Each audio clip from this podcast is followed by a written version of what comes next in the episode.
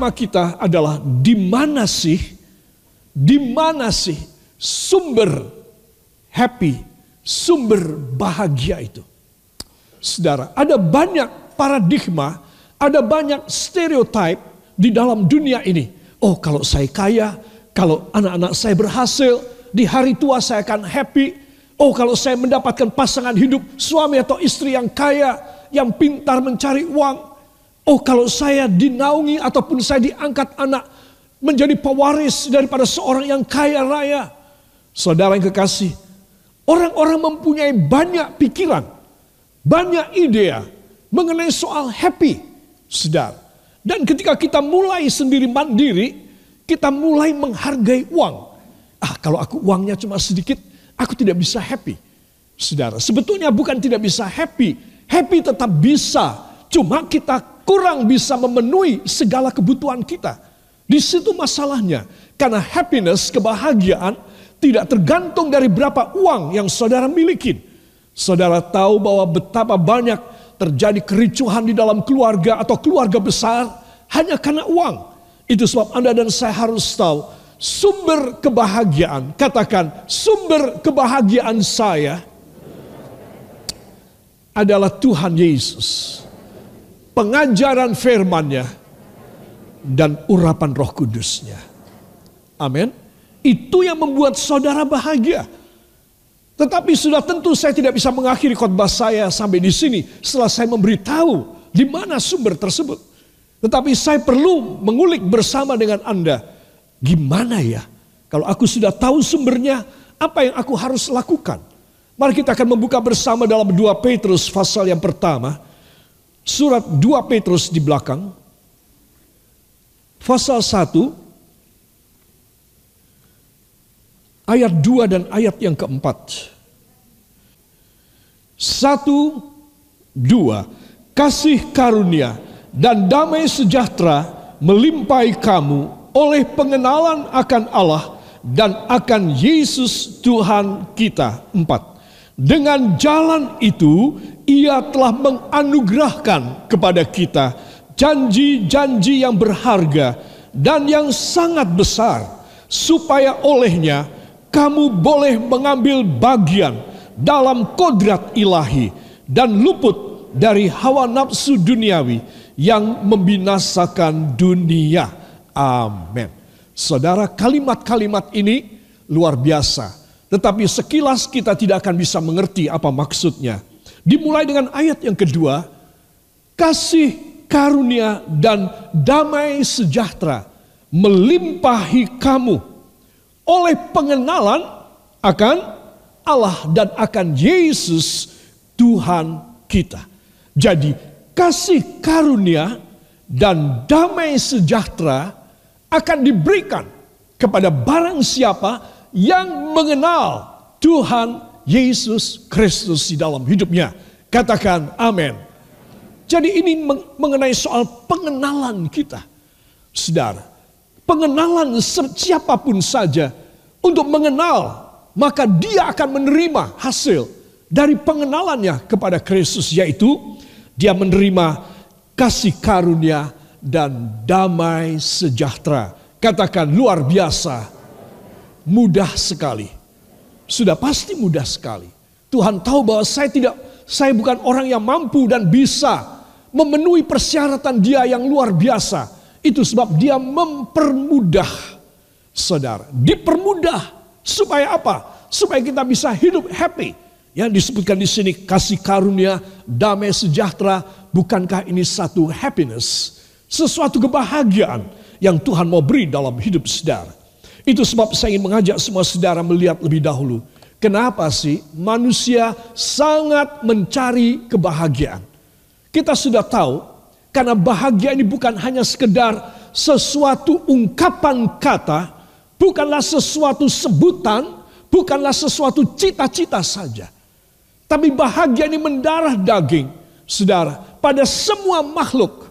Dan orang ingin supaya hidupnya bisa senang, hidupnya bisa happy. Ya, saudara, kalau kita um, mengurai apa sih happiness atau kebahagiaan, tiap-tiap kita mempunyai konsepsi yang berbeda. Tetapi marilah saya ingin mengajak saudara melihat kenapa orang tidak happy. Dan apa sebab orang tidak happy. Saudara, bila satu waktu tidak selalu sih, tapi pada satu momentum dalam hidup ini, kita kadang-kadang merasa tidak happy. Saudara, ya apa tidak? Ya, kita kadang-kadang merasa tidak happy. Saya ingin menunjukkan jenis-jenis sakit hati atau unhappiness di dalam pribadi dan keluarga. Ya itu seperti ya kadang-kadang saudara melihat kilat ya pada slide ini. Nah kilat seperti kilat yang menyambar begitu saja. Kita terkejut, kita sangat kaget, kita tidak nyangka bahwa ada sesuatu yang terjadi dan menggoncang kehidupan pribadi kita, manusia batiniah kita. Saudara, ada beberapa hal yang perlu saya sampaikan supaya kita ini maklum. Dia katakan supaya saya maklum. Supaya saya ngerti. Ya. Para kekasih hal yang pertama adalah being hurt, tersakiti. Saudara, banyak hal yang kita pribadi anggap tidak menyakiti, ternyata menyakiti orang. Juga orang lain si X tidak nyangka bahwa kata-katanya, perbuatannya nyakitin kita. Dia tidak nyangka. Tetapi yang jelas ada orang yang tersakiti. Ada orang yang being hurt. Saudara. Nah, perasaan tersakiti oleh apa? Suami, istri, orang tua, anak, lingkup kerja, komunitas. Saudara. Semua bisa menimbulkan sakit pada batin kita. Seketika kesenangan, kebahagiaan hilang. Sedar. Bahkan dari hubungan suami istri yang romantis yang baik, mendadak sontak menjadi kekecewaan. Sedar. Karena apa? Karena ada yang tersakiti. Sedar.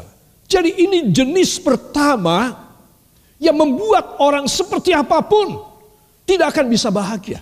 Saudara, itu sebab, semua katakan itu sebab segala sakit hati saya, perasaan tersakiti saya, pagi hari ini harus disembuhkan. Harus disembuhkan oleh darah Yesus dan firman Tuhan. Amin. Haleluya. Jangan biarkan saudara pulang dari gereja ini Jangan biarkan selesai saudara mendengar live streaming ini. Saudara masih tetap merasa being hurt. Tetap merasa tersakiti. Ada perjamuan kudus. Ada firman Tuhan. Ada urapan roh kudus. Yang akan bisa mengubah semua sakit hati orang. Dia yang sanggup untuk membebat luka hatimu. Kata firman. Dan dia akan membebat dan menyembuhkannya. Tidak ada satu manusia sempurna.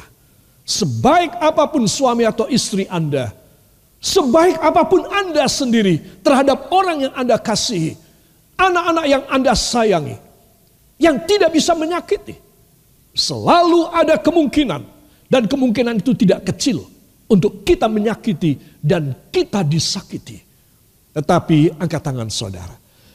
Tetapi dalam nama Yesus, saat ini juga, hai sakit hati, hai kekecewaan, segala yang menyakiti hidupku, aku usir keluar dalam nama Yesus, darah Yesus, dan firmannya menyembuhkan sakit hatiku dalam nama Yesus.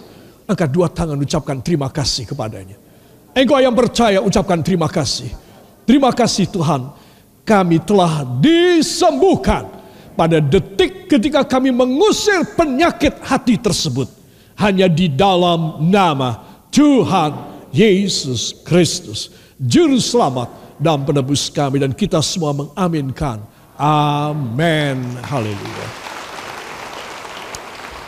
Jangan bilang bahwa sakit gigi lebih sakit dari sakit hati. Tidak, ya. Sakit hati itu sangat-sangat loro banget, ya. Itu sebab para kekasih ini jenis pertama.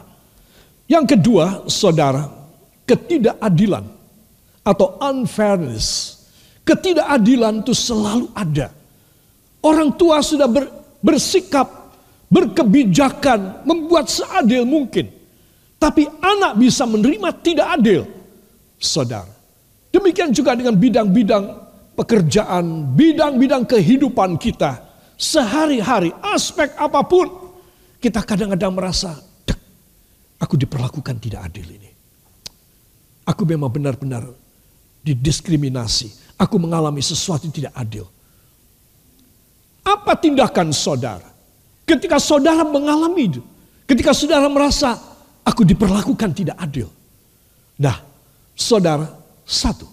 Kalau saudara tidak bisa membalas dan tidak bisa menyelesaikan, maka ini akan menjadi penyakit penyebab engkau tidak bisa happy di dalam hidupmu.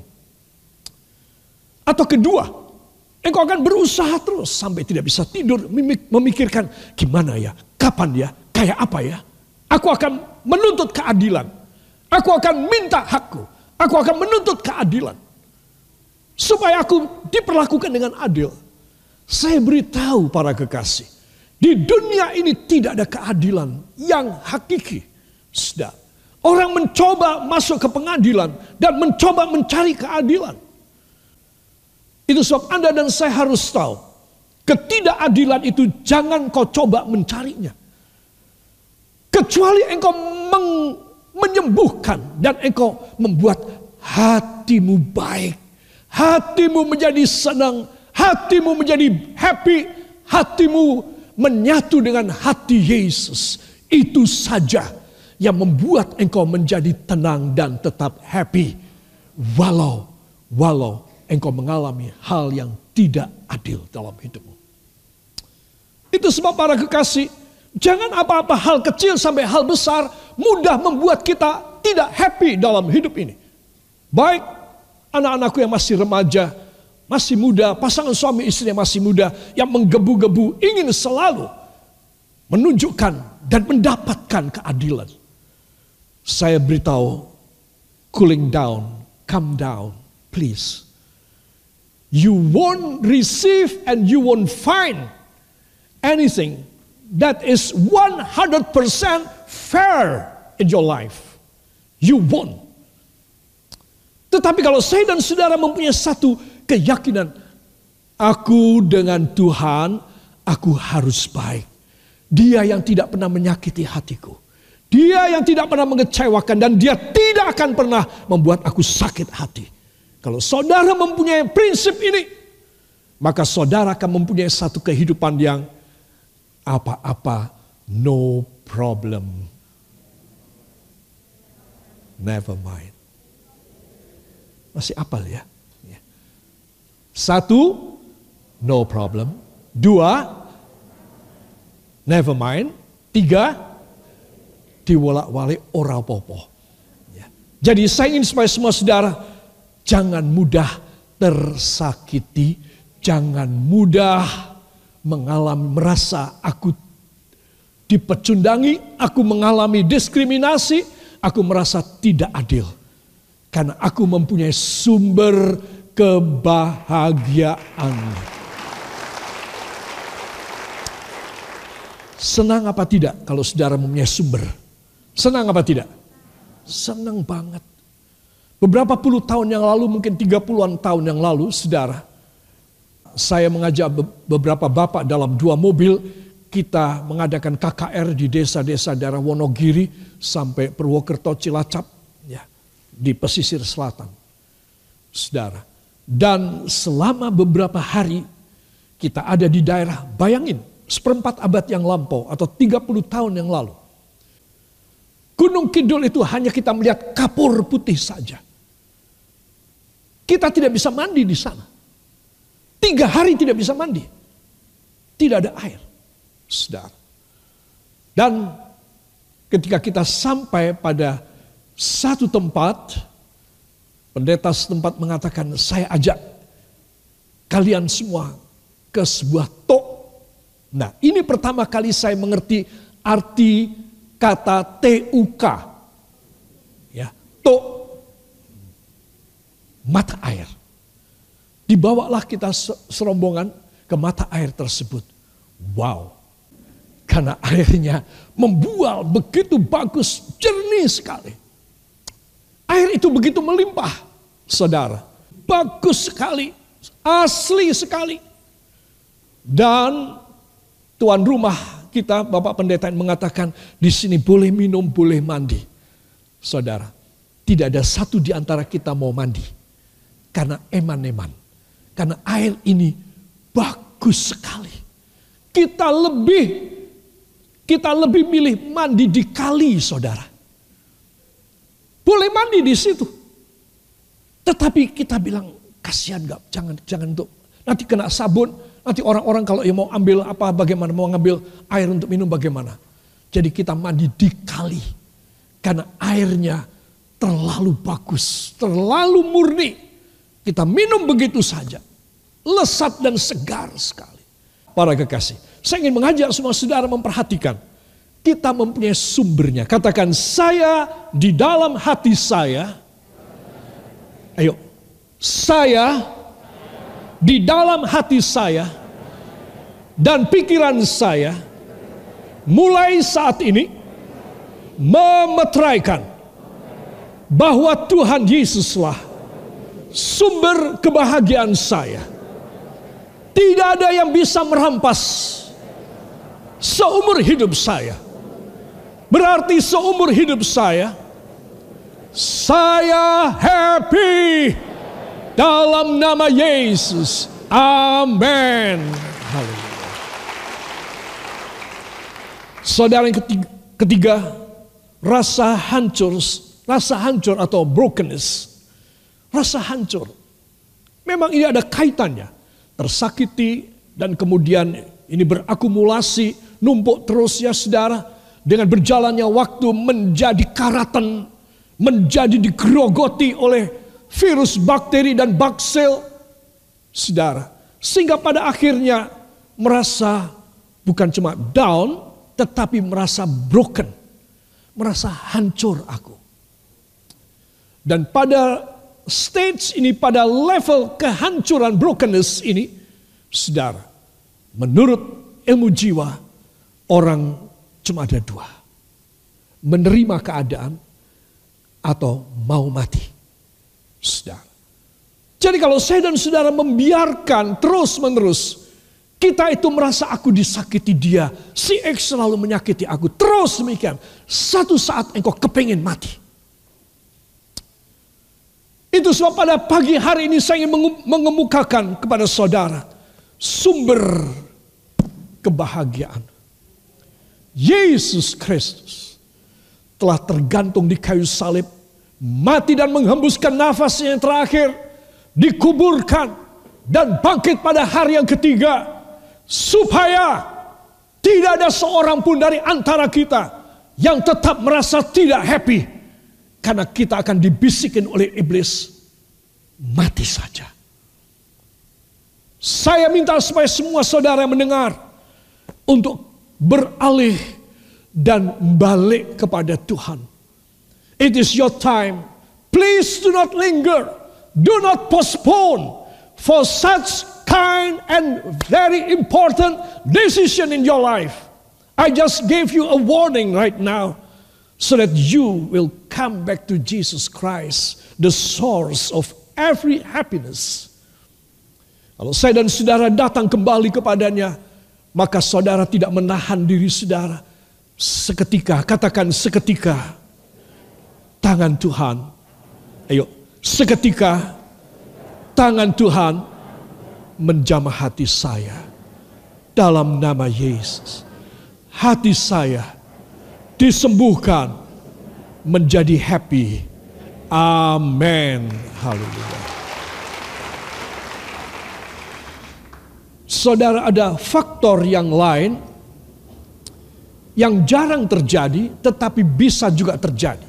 Yaitu kecacatan atau invalid. Ya saudara. Orang yang membutuhkan sesuatu pertolongan dan bantuan tetapi tidak ada yang menolong. Maka faktor yang keempat ini walaupun jarang ini bisa membuat orang tidak happy. Contoh seseorang yang cacat Ya saudara. Dan dia tidak bisa membayar orang atau suster atau perawat untuk mendampingi dia. Saudara, maka cacatnya menjadi berat sekali bagi dia. Masuk bukan pada cacat fisik saja, tapi pada mentalnya juga ikut cacat. Ya, saudara.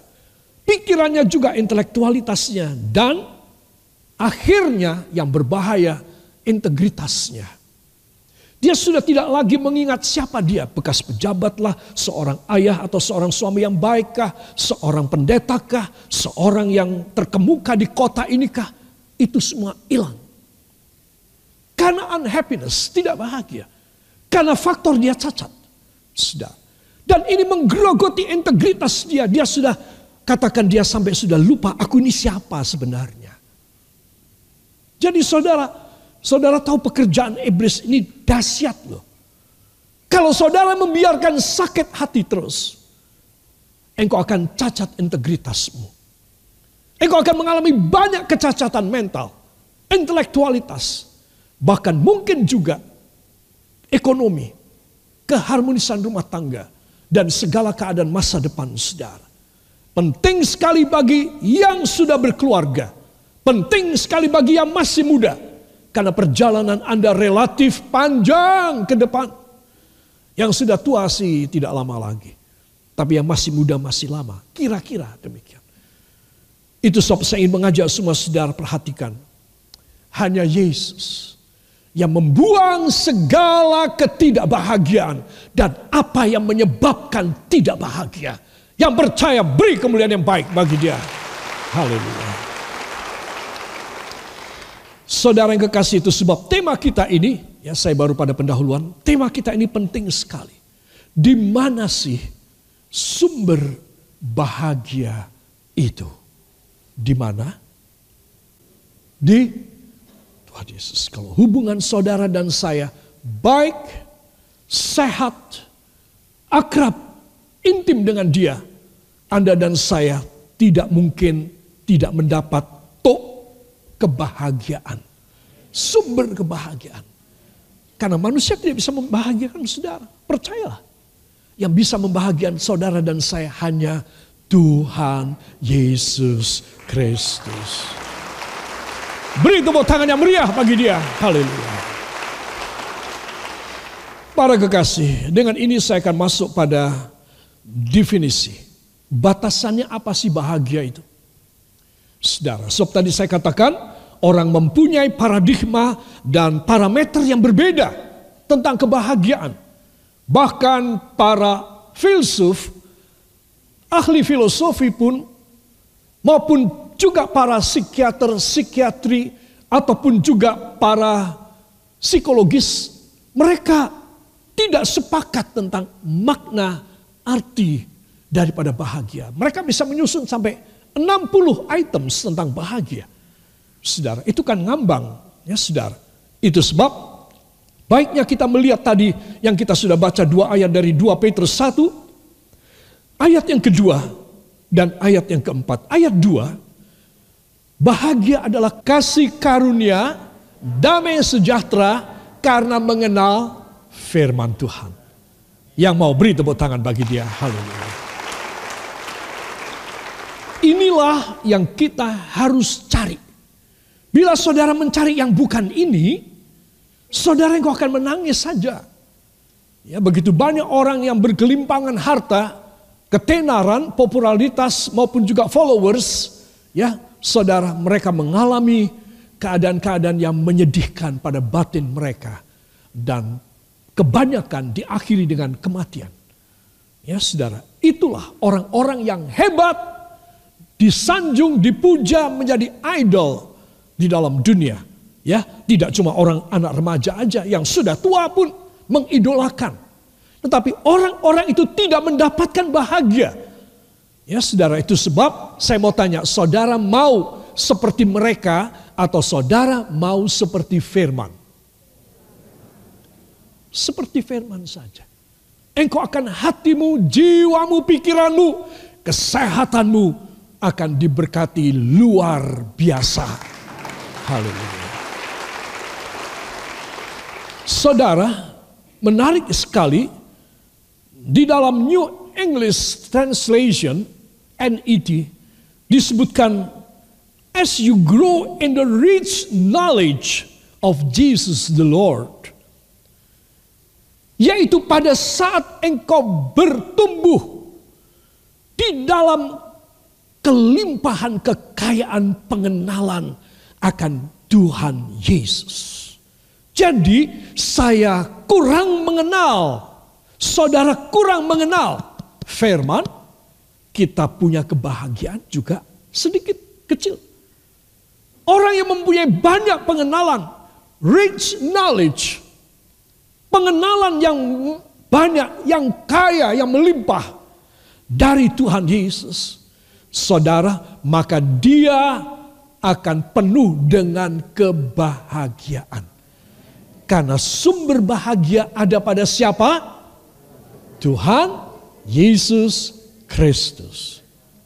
Jadi dekatlah pada toknya, pada sumbernya. Mudah kan? Ya. Narasi dan logika ini cengli ini mudah.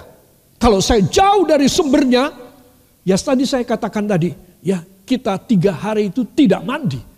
Untuk satu gayung air kita menunggu beberapa menit Ya mereka sudah menggali, tapi kan tidak mungkin kita terus masuk menjeburkan diri kita di lubang-lubang kecil untuk cari. Yang bisa tidak keluar kita di sana untuk mencari air. Mereka menggali lubang-lubang kecil kira-kira setengah meter 60 cm dalam dan kemudian mulai menimba. Itu harus tunggu berjam-jam, saudara. Tetapi kalau kita dekat dengan toknya, dekat dengan sumbernya, maka saya dan Anda selalu kita bisa mengalami kebahagiaan. Ya apa ya? Yo, tidak ada pilihan. Itu sebab Anda dan saya harus tahu. Katakan mulai saat ini, saya harus mengutamakan mengenal Tuhan Yesus lebih dari sebelumnya. Amin. Haleluya. Ayat yang keempat, definisi bahagia. Apakah batasan bahagia yang selanjutnya? Ayat yang keempat adalah orang-orang yang menerima janji-janji Allah. Wow. Jadi kalau ayat dua ini sesuatu yang masif, sudah paketan dari Tuhan. Katakan, paketan dari Tuhan yang bisa membuat saya happy adalah kasih karunia damai sejahtera. Namun demikian, saya masih diberi kesempatan untuk mendesain, untuk membuat sesuai dengan selera saya tentang kebahagiaan. Ini paketan. Ayat 2. Ayat 4 ini apa yang menjadi selera saudara keinginan saudara, keinginan saya. Masih ada kuasa Allah untuk mengabulkan keinginan hati saudara. Di sini kita melihat bahwa Tuhan bukan Allah yang begitu aja. Kaku sekali, saklek banget. Gak bisa dirubah. Eh, ayat 4. Anda boleh mendesain, Anda boleh berharap, Anda boleh bercita-cita. Anda boleh mempunyai ide dan dia mempertimbangkan untuk memberi terbaik. Amin. Coba saya ingin tahu siapa yang percaya. Lambaikan tangan saudara. Ucapkan terima kasih kepadanya. Terima kasih Bapak. Bahkan kepada saya diberi kebebasan untuk memilih apa yang saya inginkan Amin. Haleluya.